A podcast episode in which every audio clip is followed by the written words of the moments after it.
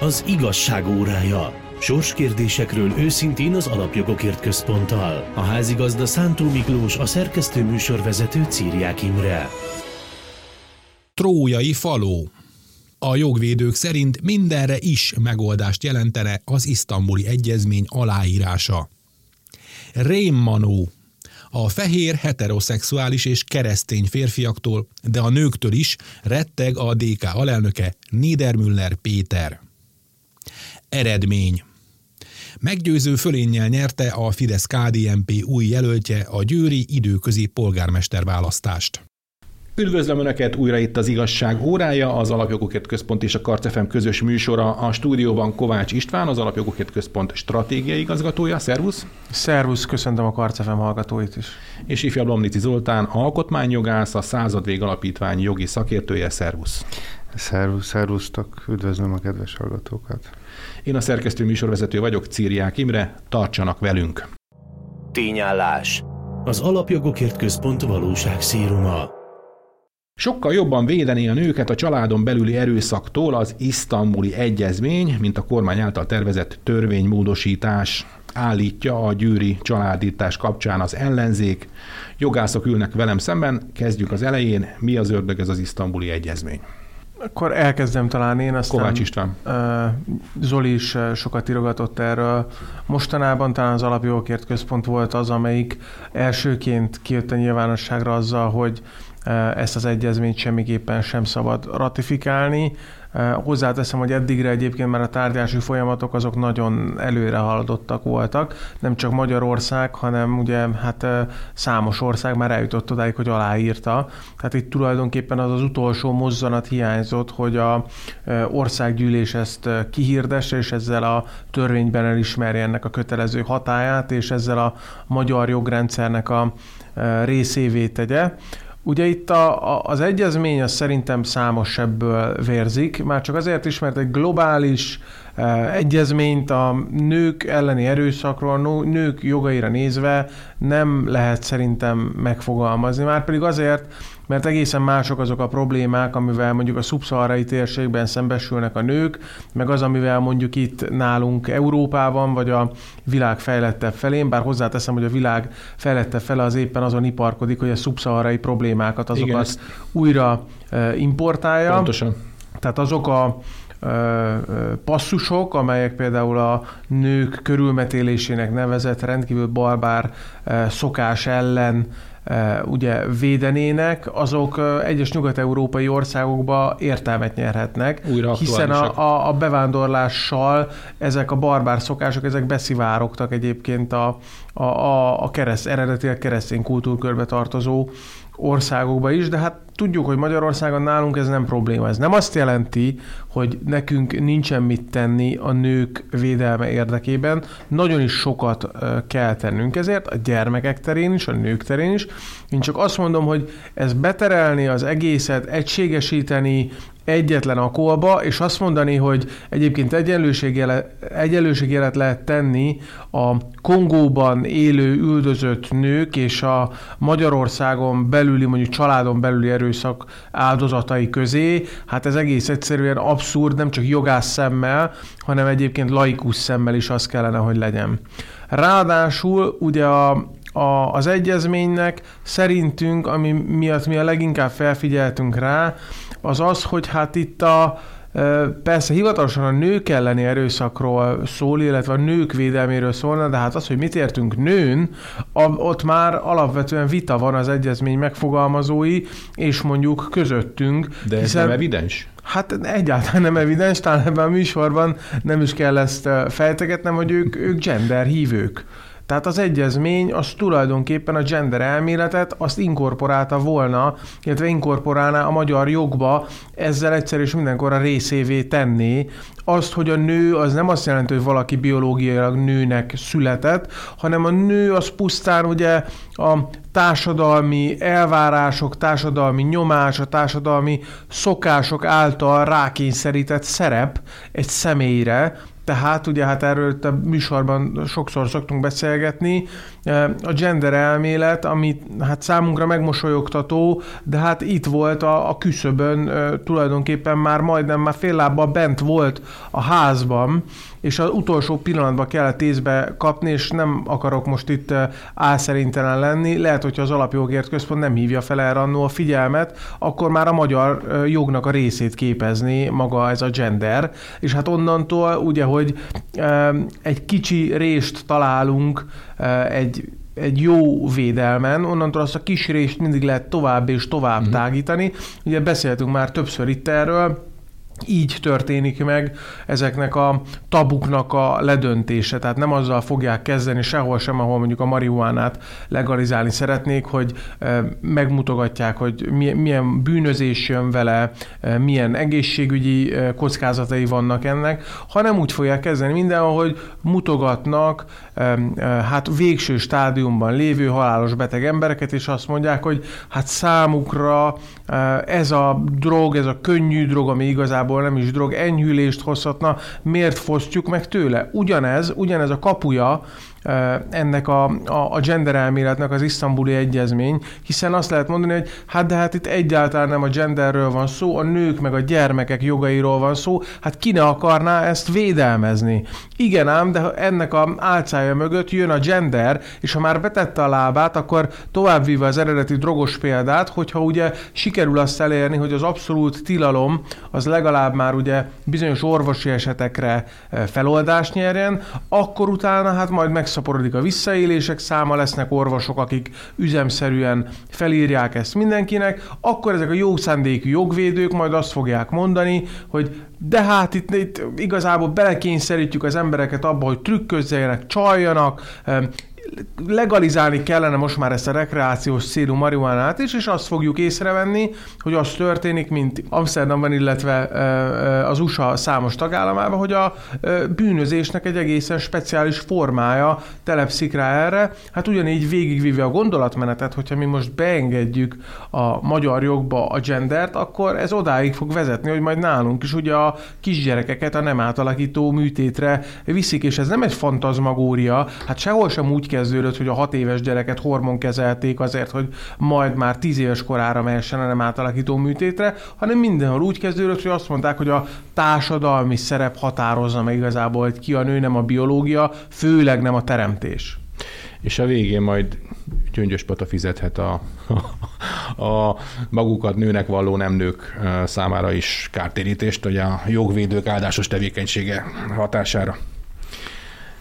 Néhány általános megjegyzéssel kezdeném. Ifjabb Zoltán. Először is a szerkesztő úrnak az a felvetése, hogy van sokféle egyezmény, ez azért rendkívül fontos, mert nyilván a nők jogainak a védelmét is például a római egyezményből, vagy a polgári és politikai jogok egyezményéből, vagy éppen a az emberi jogok európai egyezményéből le lehetne vezetni. Tehát itt egy, ha elvonatkoztatunk a konkrét nemzetközi dokumentumtól, akkor önmagában egyébként persze lehet egy-egy jogosultságot cizellálni, de kétségtelen tény, hogy az alapok, az emberi méltóság, az életvédelem, azok benne foglaltatnak a legnagyobb nemzetközi egyezményekbe is. Most azt nem állítom, hogy ezeket kifejezetten mondjuk haszonszerzési célzatból hozzák létre ezeket az egyezményeket, hogy összejöhessenek egy európai, vagy éppen mondjuk NATO tagállamban, és ott egy nagy evészeti vászat közepette aláírjanak egy szemlátomást kerek és rendkívül értékes dokumentumot, de kétségtelen tény, hogy az, az elgondolkodtató, hogy hogy önmagában erre a típusú részletezése, pláne annak a római elvnek az értelmezése menté, hogy a speciális az lerontja a generálist, van-e szükség minden más területen is, mondjuk a nők jogai és a családon belüli erőszak persze indokolhatna egy külön egyezmény. Na, de mi a következő általános megjegyzés? Az önmagában érdekes, hogy ezt egy muszlim országban írják alá,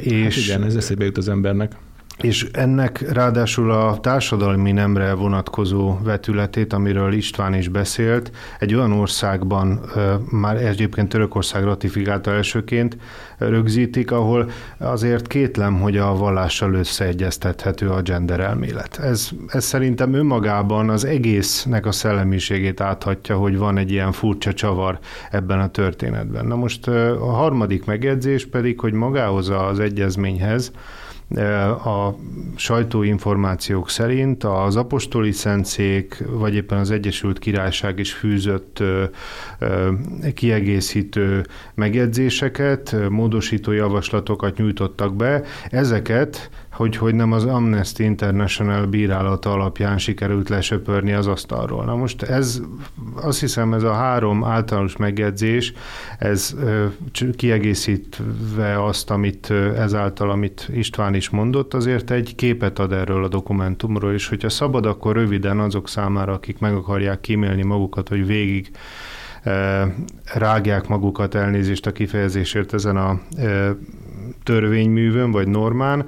Egy rövid áttekintést hadd adjunk, tehát egyébként úgy néz ki, mint egy más Európa tanácsi egyezmény, van szép preambuluma, mondjuk így, hogy pátosszal teli alapelveket rögzítenek az elején, majd aztán szépen lassan jön a fekete leves, mert először is van ugye, amiről szintén beszélt István, ez a túlzott feminista kidomborítása a kérdésnek, olyan értelemben másképpen is megfogalmazhatnám, hogy a nők jogait túlhangsúlyozzák a családon belüli erőszakban, míg a férfiakét csak érintőlegesen. Amellett egyébként, hogy számos statisztika és kimutatás bizonyítja, hogy hát minimum mondjuk 60-40, de legrosszabb esetben is 70-30 arányban világszinten kihozhatjuk a családon belüli erőszak nőkre és férfiakra vonatkozó érintettségét. Ilyen értelemben, tehát a, a mondjuk így, hogy a 90-10 vagy a 99-1 százalékot sugaló szemlélet az, az a valóságtól messze elrugaszkodottnak tekinthető. Aztán jön három olyan rész, amely meggyőződésem szerint rendkívül durva, meggyőződésem, hogy az egyezményben nem feltétlen való, és felveti a nemzeti szuverenitás támogatását. Tehát egyrészt polgári, majd büntetőjogi, illetve polgári eljárásjogi és büntető eljárásjogi ajánlásokat fogalmaz meg. Ez az egyezmény, amely tudjuk, hogy egyértelműen nemzeti szuverenitásba tartozó, és a nemzetállam hatáskörébe sorolható terület, hogy a saját eljárásrendjüket hogyan szabályozzák, illetve hogy, hogy nem megjelenik a migráció és a menekültügy ebben az egyezményben. De mit keres itt a migráció meg a menekültügy? Hát kérem tisztelettel, ez sajnos költői kérdés marad, mert erre tudjuk azt mondani, hogy tényleg ez egy, ha van olyan, hogy saláta nemzetközi egyezmény, akkor én ezt annak hívnám, valóban a gendertől, a menekült kérdésen át, a nők jogain át gyakorlatilag a kábítószer kimarad, de hogyha lehet, hogy valaki azt is a sorok között megtalálja, hogy miért kellene legalább az orvosi marihuánát legalizálni. Tehát De egyébként ilyen... mondjuk beszéltük itt ebben a rádióban többször is, hogy olyanok ezek, mint Móricka, tehát előbb-utóbb mindenről a, a menekül, a migránsok ugye jut az eszükbe. Hát igen, csak ugye régen legalább, és ez az utolsó gondolat, volt a nemzetközi egyezményeknek egy a Gentleman's Agreement szellemiségében egyfajta kiegyensúlyozott jellege. Tehát, hát meg azért ez jelentett az értéküket is.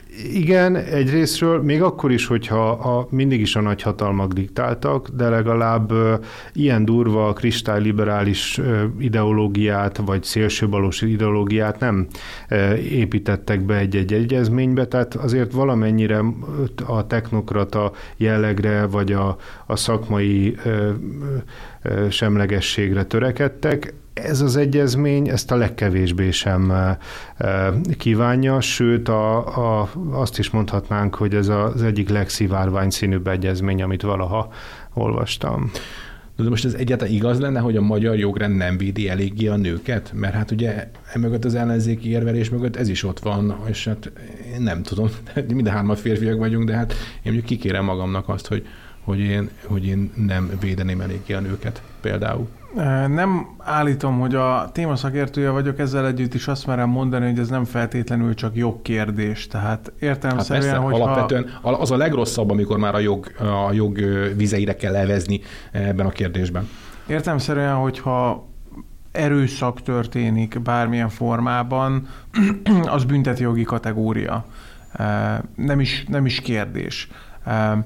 Én azt hiszem, hogy ez nem, nem feltétlenül, tehát itt különböző ugye büntetőjogi eszközöket sürget a, maga az egyezmény, én azt is mondom, hogy valahol ennek lehet szerepe. Tehát például még egyszer hangsúlyozom, hogy az afrikai országokban, ahol körülmetélik a nőket orvosi beavatkozás címszó alatt, meg mindenféle vallási rituális címszó alatt, ott lehet, hogy ezt érdemes büntetőjogilag egyébként külön tényállás. Ahol tényleg tárgyként kezelik, vagy vagyontárgyként tulajdonképpen. Tehát ott, ott nagyon is indokolt lehet, hogy egy külön tényállást hozzanak erre létre. Magyarországon, ahol ez a gyakorlat, ez teljességgel ismeretlen, soha nem tudok egyetlen esetről sem, hogyha történt volna. Hogyha egyébként meg megtörténne, az minimum súlyos testi sértés, lehetne itt különböző minősítéseket találni hozzá, tehát valaki nagyon hosszú időre börtönbe kerülne. Ebből a szempontból én azt mondom, hogy a, hogy a magyar jog az nagyon is és megfelelő módon védi a nőket, és nem csak a nőket, hanem én azt mondom, hogy az embert. Tehát, hogy a, az emberi élet, az emberi integritás, az emberi méltóság áll egyébként a magyar jognak a középpontjában, legyen szó akár bünteti jogról, akár polgári jogról, személyiségi jogokról, mindig az emberi élet és a méltóság áll a középpontjában. Lehet persze én nem, véletlenül sem akarom most azt mondani, hogy, hogy nincsen tennivalója a magyar államnak ezen a területen. Nagyon sokat lehet tenni oktatással, különböző állami uh, szervezetekkel, ugye olyan, uh, olyanoknak, akiket mondjuk családon belül bántalmaznak, az ellátását javítani, menedékházakat létrehozni, rengeteg tennivaló van, hogy ezt nem az isztambuli egyezmény fogja megoldani, ebben viszont én egészen biztos vagyok. Tehát ez meg folyik, azt hiszem, hogy a múlt héten adtak át például egy ilyen menekült, menek, Persze, menedékházat talán van, Miskolcon a miniszterasszony, Marga Judit miniszterasszony. van azért számos a, a, az országban, e, van úgymond civil fenntartásban lévő, és meg van amelyik konkrétan e, állami is, tehát e, azok a hangok, hogy itt Magyarország egyébként semmit ne tenne a családon belül bántalmazottak jogaiért, ezek egész egyszerűen falsok. Én csak azt mondom, hogy a, a problémát azt nem kell a szűnyeg alá söpörni, hát éppen azért kell e, tennie a kormánynak ezen a területen, e, mert, mert nem söpörjük a szűnyeg alá, hanem őszintén tudunk beszélni róla. Én azt mondom, hogy pont azokban az országokban, ahol egyébként szabad teret engednek a migrációnak, és mondjuk, hát ugye persze. beszéltünk erről, hogy Angliában ugye gyermekprostituált hálózatot üzemeltettek, pakisztániak és a rendőrök nem mertek fellépni, hiszen hát azt mondták, hogy engem itt meg fognak vádolni mindenféle rasszizmussal, részrehajlással, inkább behunyom a szememet. A Svédországban, Franciaországban, ahol ugye gyakorlatilag de facto léteznek muszlim házasságok, még hogyha az állam ugye így effektíve jogilag nem is ismeri el, bár a ez iránti jogi érzékenyítés az folyamatosan zajlik, tehát egy férfinek van 4, 5, 6, 7, 8 felesége, akiket gyakorlatilag tártként kezel, akiknek semmiféle joguk nincsen, és az állam szemet hunye felett, ugye Ez ezek asszisztálna. nem mennek bíróságra, nem külön elmennek kis sárja bíróságra, tehát lehet azt mondani persze, hogy ezek az országok, itt akár az Egyesült Királyságot, akár skandináv államokat mennyivel előrébb járnak a nők elleni erőszaknak a felszámolása területén, hiszen ők már csatlakoztak az isztambuli egyezményhez, Magyarország meg olyan elmaradott, és annyira nem nézi a nők jogait, hogy nem. Tehát ez hazugság, hiszen éppen azt látjuk, hogy, hogy ez a probléma elkendőzés. Azt mondani, hogy persze csatlakoztunk ehhez a, az egyezményhez, van itt ugye egy jó kis végrehajtóbizottság, ez a Grévio, ami mindenfajta ajánlásokat fogalmaz meg, kizárólag full, full liberális, feminista jogászokból áll, akik ugyanúgy a migráció okozta problémák fölött majd szemet hunynak, de itt a, majd a műsor korábbi részében, vagy a későbbi részében majd kitárgyaljuk, hogy a fehér keresztényeket gyakorlatilag ők is egy megvetendő társadalmi csoportnak tartják, hiszen nyilvánvaló, hogy minden családon belüli bántalmazó az fehér, heteroszexuális, keresztény férfi. De ez nem ez, igaz. Hát Persze, hogy nem. Hát De nyilván a statisztikákat nem mondhatjuk el, mert az meg már rasszizmus lenne. Értelemszerűen. Én, én most itt a ő alaphozzáállásokat mondom, és akkor majd jól fel lehet mutatni, hogy bezzeg ezek az államok, ezek mennyivel többet tettek azért, hogy ne legyen nők elleni erőszak. A tények persze nem őket fogják igazolni, de a kommunikációban milyen jól hangzik, hogy hát Magyarország nem írja alá a nők védelméről szóló egyezményt. Nagyon érdekes, hogy itt hallgatva azt, a, azt az okfejtést, hogy, hogy bizonyos országokban a gyermekekkel kapcsolatos visszaélések vannak. Én erre rácsatlakoznék erre a vonalra, mert mélységesen elszomorít és komoly hiányérzetet gerjeszt bennem, hogy a gyermekek jogainak védelmét azt tized annyira vagy század annyira nem veszi komolyan a nemzetközi hát közvélemény. Valaki azt mondja, hogy ezek a nem átalakító műtétek, ezek csonkítások gyakorlatilag. Hát egyrészt, ugye, és itt beszélhetnénk egyébként, megjegyzem, a gyermekkorban szerintem a mentális ö, ö, fejlődés, vagy a mentális bántalmazás az legalább olyan súlyú, mint a fizikai, hiszen a, a mentális értelemben vett immunrendszer egy gyermeknek az sokkal sérülékenyebb, az önvédelmi mechanizmusai még nem működnek úgy, mint egy felnőttnek. Tehát egyrészt bármilyen érzékenyítés szerintem rendkívül súlyos a, egy bizonyos korszakban, egytől nyolcig vagy egytől tíz évig terjedő időszakban, vagy tizenkettőig, amíg egyértelműen minden jogrendszerben kiskorúként kezelhetjük, vagy cselekvőképtelennek az érintettet. De a másik dolog, hogy mondjuk ki, vannak bizonyos gazdasági érdekek, amelyek nem is hagyják, hogy ez a témához hozzányúljanak, mert bizony a távol-keleten nagy cégeknek adott esetben gyermekmunka által állítanak elő termékeket, ezek, ezeknek a termékeknek a gyártása és adott esetben távol-keleten történő gyártása az olyan fajsúlyos érdek, amivel szemben a bátor liberálisok, jog jogvédők nem mernek szembe menni.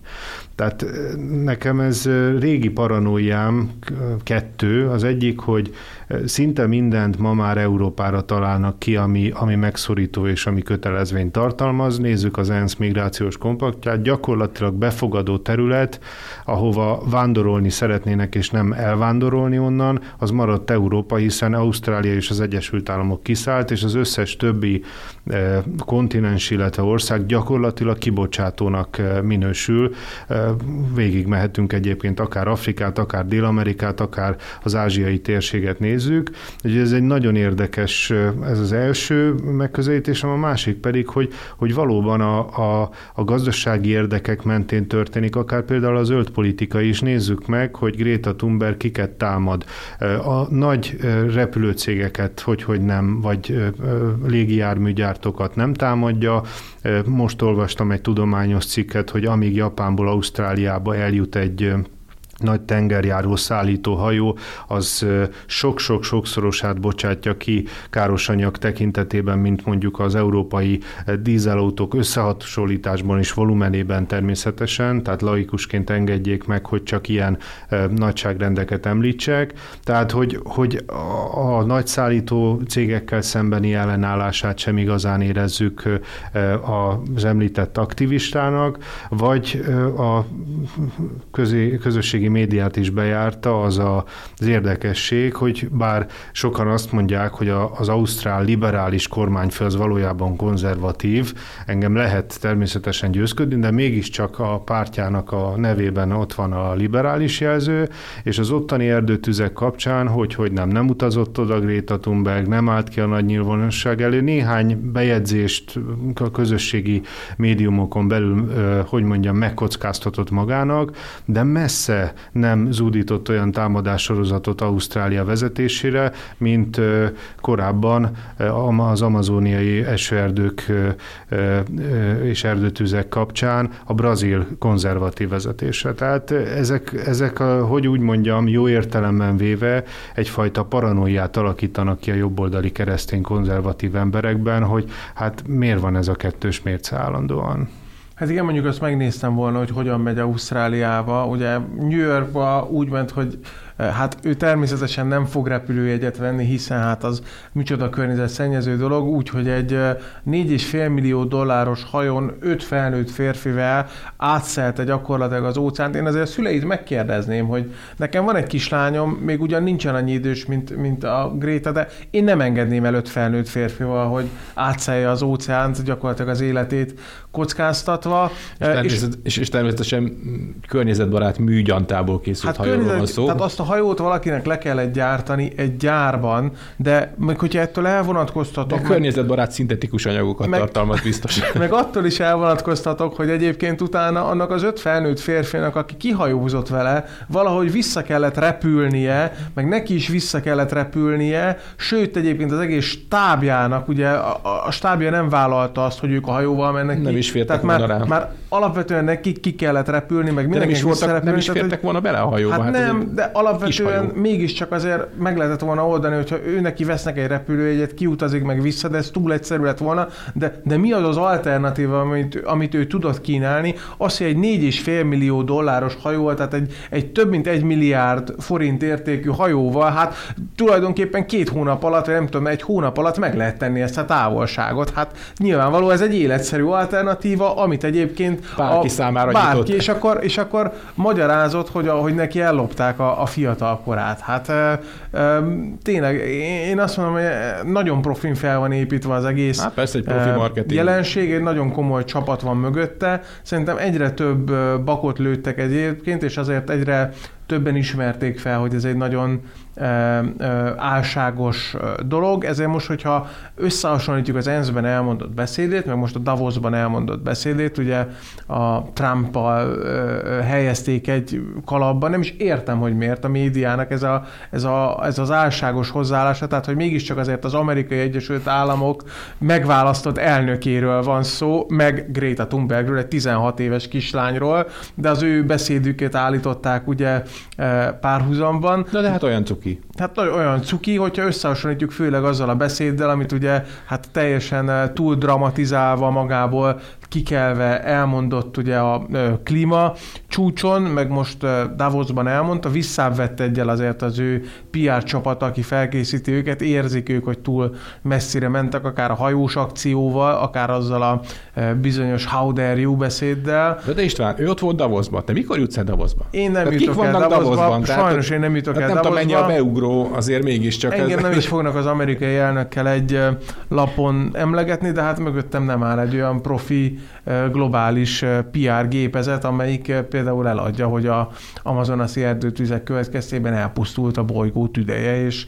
mondjuk Gyurcsány Ferencet is De hát elmegy Davosba, elmond egy megható beszédet, ott mindenki megkönnyezi, majd ezek nem csinálnak semmit. Hát ezeknek az embereknek nem az az érdeke, hogy csináljanak bármit is Hát- mondjuk a környezetvédelem érdekében. De és hát akkor ez nem, plusz nem, költség ugyanott, lenne. nem ugyanott járunk, mint a, az isztambuli egyezménnyel? Tehát, hogy mennyivel egyszerűbb felmutatni azt, hogy mi persze, mi hagyjuk a muszlim házasságokat, szemet hunyunk a gyermekprostitúció felett, na de mi aláírjuk az isztambuli egyezményt. Hát nem sokkal egyszerűbb, ugyanúgy a környezet. És egyébként a magyar kormány, meg amelyik cselekszik ezen a területen, az meg nem írja, rá lehet mutogatni, Tehát veri a gonosz. nőket. A magyar Környezet- kormány veri a nőket. Környezet, környezetszennyezés területén nem ugyanerről beszélünk? Tehát, hogy a, a magyar kormány megépíti és széndiokszidot 2-t, gyárt. A magyar kormány Hát- veri a hát- nőket, Hát széndiokszidot ez, ez, gyárt. a, ez az alap, és hát ugye csak öncélúan mindez, tehát nem is azért, Nyilván. hogy profitáljon belőle valami, Ördögi vigyorral az arcán. Ördögi vigyorral az arcán, tehát valójában meg mégiscsak megépíti Paks 2 ami ugye valójában tiszta energiát teremt, és anélkül nem lehet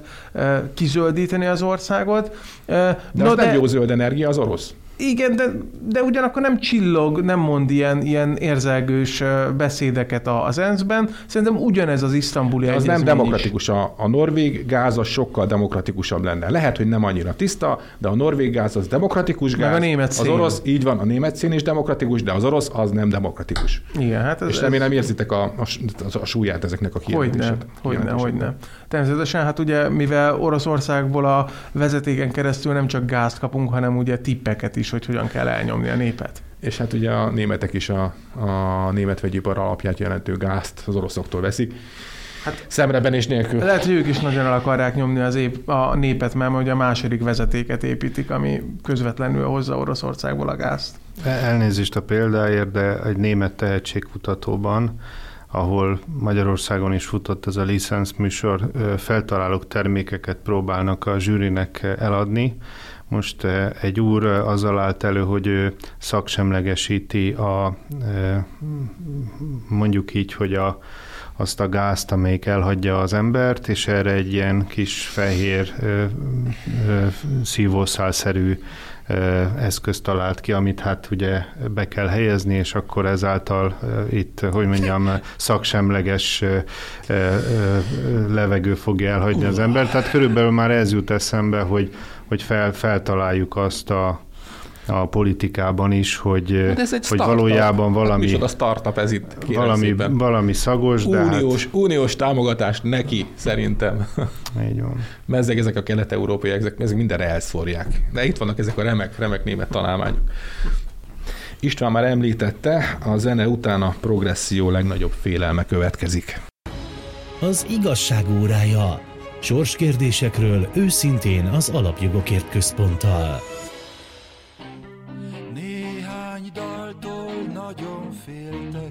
belügyben, mikor még szocializmus volt.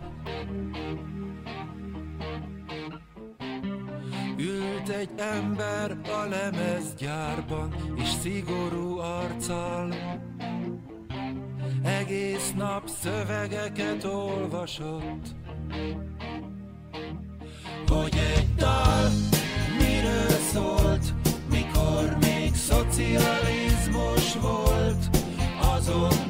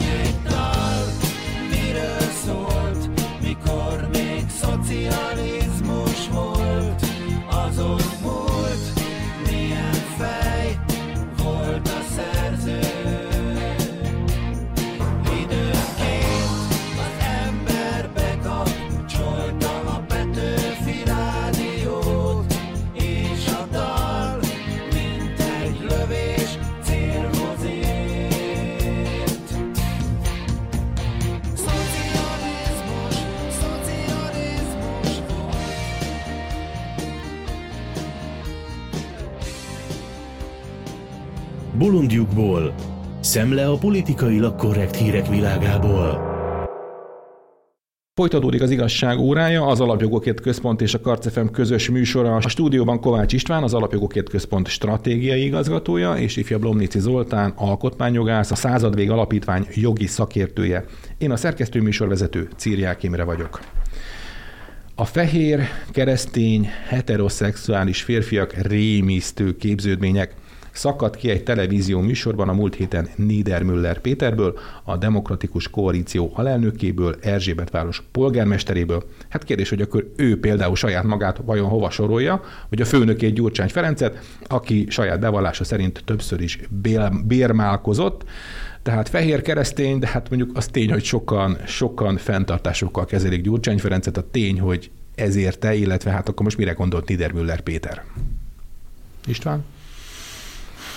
Hát nagyon nehéz eh, megállni, hogy indulatok nélkül eh, kommentáljuk ezeket a szavakat. Szerintem ez Niedermüller Péter összedi beszéde. Tehát igazából ő elmondta most azt, amit ő eh, mindig is gondolt, csak most kicsúszott belőle, és én azt mondom, hogy nem, nincs egyedül Niedermüller Péter ezzel a gondolattal az ellenzéki oldalon, Uh, tulajdonképpen az, hogy nem siettek elhatárolódni tőle a ellenzéki politikusok, illetve a mondjuk azt, hogy ellenzéki média az hát teljesen érintetlenül hagyta ezt az egészet, be sem számolt, tehát a hírértéke számukra nincsen ennek a dolognak, az azt mutatja, hogy ennek a gondolatnak nagyon is van, erre a gondolatra nagyon is van fogékonyság baloldalon vagy liberális oldalon.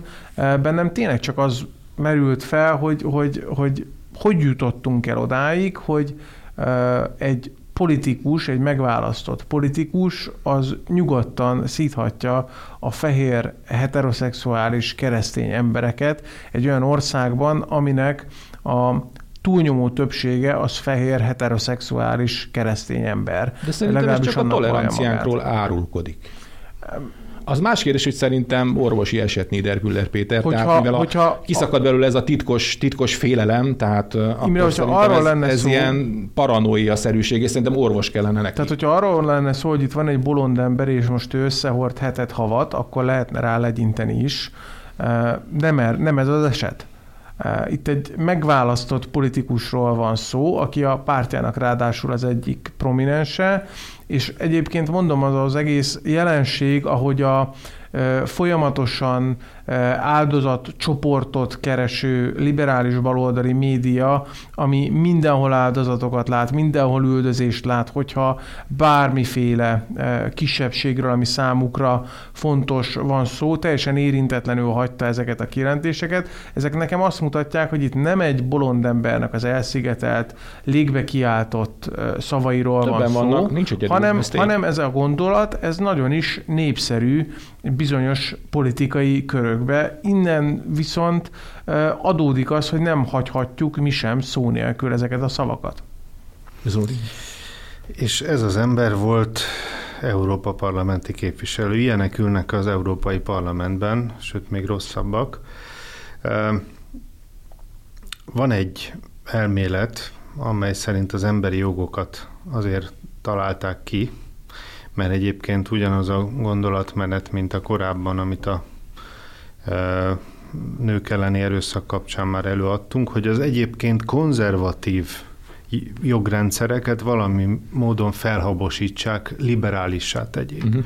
És az emberi jogok azok egyoldalúak általában, és egyoldalúan védenek, mert hogyha egyébként nem így lenne, akkor nyilván, ha valaki azt mondja, hogy mert itt ugye nem csak az volt a baj, hogy kimondta a száján azt, hogy fehér, keresztény férfi, hanem Aztán egy negatív minős, is. igen, de negatív női hallgatóinkat, női hallgatóinkat tájékoztatjuk arról, hogy ők sem úzták meg, tehát a, a, a keresztény és fehér női hallgatóink sem úzták meg ezt a, Így ezt a kivonást. Van. Így van, de mindezt egy durva támadás keretében, negatív kon- konnotációban és kontextusban adta elő a, az egyébként polgármesternek is megválasztott DK-s politikus, Tehát, hogyha nem lenne egyoldalú a, az emberi jogi szemlélet, ugye ezt hívja az Alapjogokért Központ emberi jogi fundamentalizmusnak, ha, ha nem ilyen lenne, akkor azt mondanák, hogy egy, ez ugyanúgy kirekesztő, ez ugyanúgy adott esetben egy bizonyos közösség ellen úszító, és ugyanúgy emberi jogsértő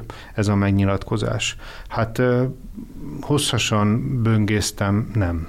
De ha hosszasan böngésztem volna a Magyar Helsinki Bizottság, a TASZ vagy a, az Amnesty honlapját nyilván nem találtam volna, és ezt inkább a tréfa kedvéért mondom, hát. semmilyen bejegyzést arról, hogy hogyan utasítják el azon mód SAEP és prompt ezt a bizonyos kijelentést. És mondom, a Facebook se tiltotta le. És a, nyilvánvalóan a Facebook sem tiltotta le, akkor, és egy következő fázis, amit azért érdemes itt megnéznünk. Fehér, keresztény férfi. Niedermüller Péter ebből legalább egy.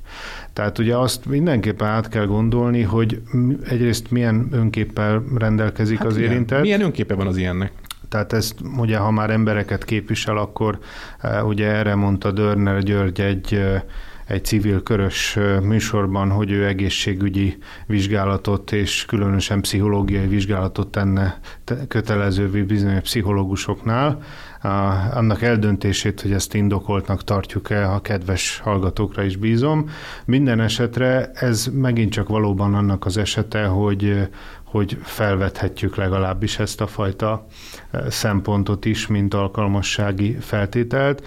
Ez kétségtelen tény, és ez a záró megjegyzésem ebben a körben, hogy az ilyen jellegű megszólalások szalonképtelenné nyilvánítása az azért nagyon lényeges, mert egyébként a holokausztal helyesen szoktak azok példálozni, akik azt a, akik azt a metaforát vagy parabolát emlegetik, hogy először elvitték a szomszédot, aztán elvitték a másik szomszédot, és akkor a végén értem jöttek.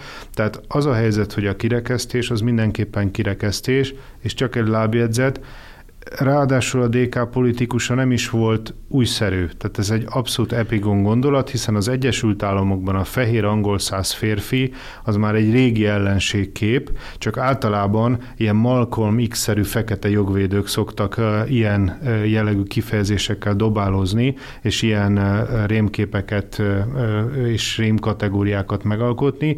Magyarországon ezt a demokratikus koalíció felvállalta, ahol egyébként nagyon érdekes. De gondolnak a szavazóikról? Hát a, a szavazóik nagy része is, is fehér, és heteroszexuális, és keresztény. És keresztény. Hogyha, most abba gondoljatok bele, hogyha ezekből a jelzőkből, tehát fehér, heteroszexuális, keresztény, akár egyet is kicserélünk valamire, akkor micsoda sipákolás lenne most Open Society és soros körökben. Tehát, hogyha azt mondanánk, hogy a fehéret lecseréljük még feketére, vagy bármi másra, hogyha mondjuk a keresztényt lecserélnénk muzulmánra, a heteroszexuális homoszexuálisra, vagy transzexuálisra, Nem vagy csak azt mondom, hogy képzelem mondjuk ha ezt, ezt, a, ezt, a, ezt, a, ezt, a, ezt az összetételt, tehát hogy fehér, heteroszexuális keresztény pozitív kontextusba használod. Már hát, akkor elkezdenek Borzalmas, hát értelemszerűen. Hát ez, ez igen, csak ez megmutatja megint az, hogy ők egyébként a... Tehát mondjuk, hogy Európát a fehér, heteroszexuális keresztények tették nagyjá, azzá, amivé. Igen, ez mondjuk... Hogy vezette a világot kulturálisan, tehát ezt és, nehéz lenne. és gazdaságilag is.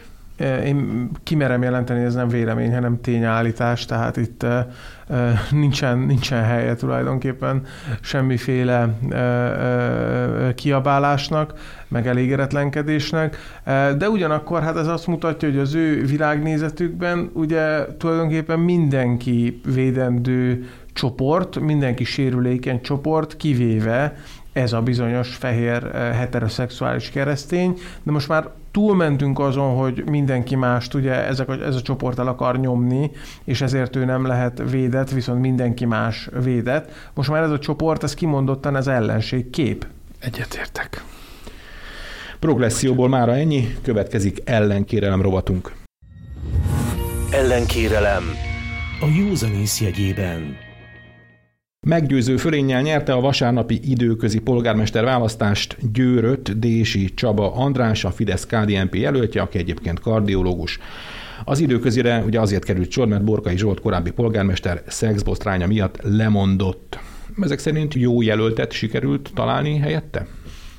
Számomra ez a legnagyobb tanulsága a dolognak. Egy ugye olyan jelöltet sikerült találni a kormánypártoknak, akin egyáltalán nem tudott fogást találni a baloldal. Hát olyan hogy mondjam, a liberális oldalhoz tartozó celebek is kiálltak mellette, mint Lovasi András, aki azt mondta, hogy ha, hát ő aztán nem nagy barátja a Fidesznek, de hogyha minden Fideszes ilyen lenne, akkor ő is a Fideszre szavazna, de hát ugye megválasztott DK-s képviselő is eh, hivatalosan támogatta, tehát az alap az az, hogy egy nagyon jó eh, jelöltet sikerült eh, állítani erre a választásra. Ezen túl pedig azért szerintem azt is látni kell, hogy a, nem volt olyan fajta narratíva, mint az önkormányzati választáson. Tehát most az emberek valóban egy helyi ügyről szavaztak, valóban arról szavaztak, hogy kit szeretnének, hogyha az ő városukat vezetné, és nem, nem pedig országos politikai eseményt kreáltak egy, egy olyan választásból, aminek el semmi köze nincsen. Tehát, mint ahogy a budapesti főpolgármester választáson nekem továbbra is meggyőződésem, hogy az emberek túlnyomó része, aki Karácsony Gergelyre szavazott, ő nem tartotta alkalmasnak Karácsony Gergelyt a városvezetésre, majd most megisszuk mindannyian a levét persze ennek, de ők azért szavaztak rá, A, mert egyébként be akartak inteni Orbán Viktor jelöltjének, és úgy gondolták, hogy úgyse nyer karácsony. B, még hogyha úgy is gondolták, hogy nyer karácsony, akkor is inkább fontosabb volt nekik, hogy beintsenek Orbán Viktornak és az ő jelöltjének, mint hogy egyébként egy megfelelő városvezetőt válasszanak. Na ez most gyűrött nem, nem volt, nem volt ilyen országos narratívája a választásnak, ezért az emberek valóban azt mérlegelték, hogy az ő saját szempontjukból és a családjuk szempontjából ki lenne a legjobb városvezető, ki az, akire rámernék bízni a közösségnek a vezetését, és ebből jött ki ez a igencsak meggyőző eh, fölény. Hozzáteszem, azért minden relatív, mert még így is az ellen oldal mondjuk olyan 40 ot kapott, amit hogyha mindent egybevetünk, hogy nem is igazán volt nekik kampányuk. Nem volt nem rossz is igazán, a Paul Reis Én nem mondtam, hogy rossz jelölt volt, csak nem is igazán volt. Az ugye, a Glázser tíme az rosszabb jelölt lett volna, azt jó tették, hogy levették. Nem is igazán volt egy kampányal megtámogatva, nem is igazán volt egy üzenetük, egy narratívájuk, és még így is kaptak 40%-ot győrött, ami azért hát mondjuk azt, hogy nekik igencsak egy, hát egy ilyen uphill battle, ahogy ezt az angolban mondják, tehát mikor úgy kellett megharcolniuk a harcot, hogy nem Lej, feléjük lehetett nem feléjük a, lehetett, igen, a, pálya, a, igen. a csatatér, akkor ez azért ebből le kell vonni a megfelelő következtetéseket. Zoli? A győri városi megmérettetést én először is azért a megyei kontextusba helyezném, amellett, hogy természetesen egyet kell érteni mindannyiunknak abban, hogy ez helyi ügyekről szólt, és helyi alkalmas jelölt kontra másik helyi alkalmasnak vélt jelölt ütközetéről volt szó. Tehát Györmoson-Sopron megye az elmúlt tíz évet tekintve az a térség, ahol az egyfőre jutó GDP a legmagasabb növekedést produkálta. Tehát egy ilyen konjunktúra, vagy egy ilyen eredmény, amelyet ez a terület magáinak tud, ez, ez egyrészt természetesen a helyi polgárokat dicséri, de hát nem mindegy, hogy ki van a városvezetésben, ki van a megyeszékhely vezetésében. És természetesen ugyan a közgyűlés az mindig tarka, de hát az első számú vezető ö, személye az kiemelt jelentőségű. Még egyszer mondom, különösen, hogyha megyei szintet vizsgálunk, akkor a, a megye székhelyén. Ebből a szempontból én ezt azért egy jóval jelentősebb választásnak gondolom, mint hogyha lett volna mondjuk egy időközi választás, egy nem ilyen gazdasági értelemben nem ilyen jelentős megye nem ö, székhely szerepét betöltő városában. Még akkor is, hogyha mondjuk például a hódmezővásárhelyel történő összevetés, az sok szempontból nem állja meg a helyét, de kétségtelen tény, hogy hogyha mondjuk párhuzamot keresünk, akkor távoli párhuzamként akár hódmezővásárhelyet, illetve 2018 telét, télvégét is ebből a szempontból fel lehet emlegetni. Egyetértek azzal, hogy a, a jelölt személye kikezdhetetlen volt, bár azért tegyük hozzá, hogy a luxus papagáj kifejezés úgy hiszem, hogy beleégett az ott élő embereknek az agyába. Ezek szerint ma már gyakorlatilag mindenre rá lehet húzni a luxus kifejezést csak azért, hogy az emberi irítségre vagy az ellenérzésekre játszunk. De Tehát annyira a... hatása már nincsen. Ugye ez, ezt láttuk például a Borkai esetében is, hogy ezek a hát, hogy mondjam, választókerületi propaganda újság szintjére lemenő, lemenő a vádak, ezek, ezek már nem hatnak. Igen, de még egyszer mondom, tehát azért van egy ö, szint, amely a, a józanész ö, ö, szempontjából ö, releváns, tehát mondjuk az, hogy Greta Thunberg egy luxus ö, székben töltötte a gyerekkorát, azt talán kijelenthetjük, ha megnézzük azt, hogy mekkora az ára annak a bizonyos fotelnek vagy széknek, amely ben ülnek az édesanyjával, ugye milliós nagyságrendben beszélhetünk forintban, arra talán rá lehet mondani egy luxus vagy berendezési luxus tárgy. Utazott, vagy hogy luxus hajón utazott, de hogy egy nimfa papagájból, vagy hullámos papagájból, vagy bármiből hogyan lesz luxus, vagy éppen az, hogy azt milyen papagájházban, vagy madárházban tartják.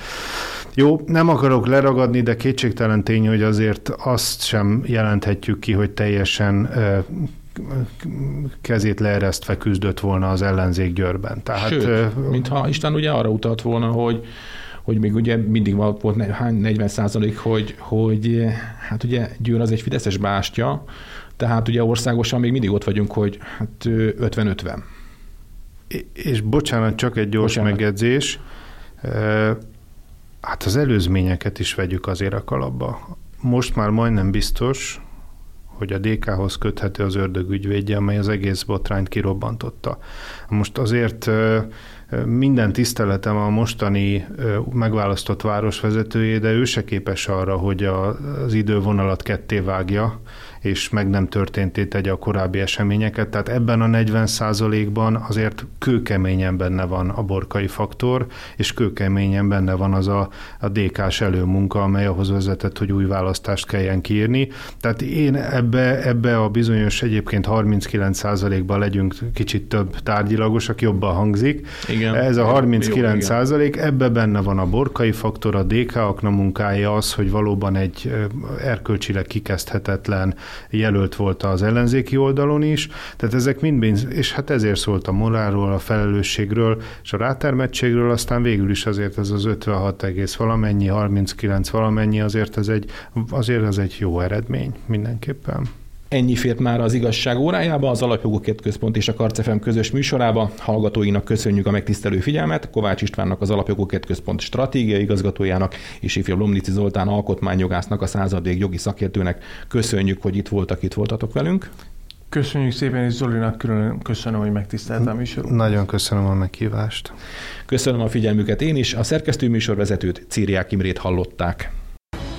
Az igazság órája Sorskérdésekről őszintén az Alapjogokért Központtal. A házigazda Szántó Miklós, a szerkesztő műsorvezető Círiák Imre.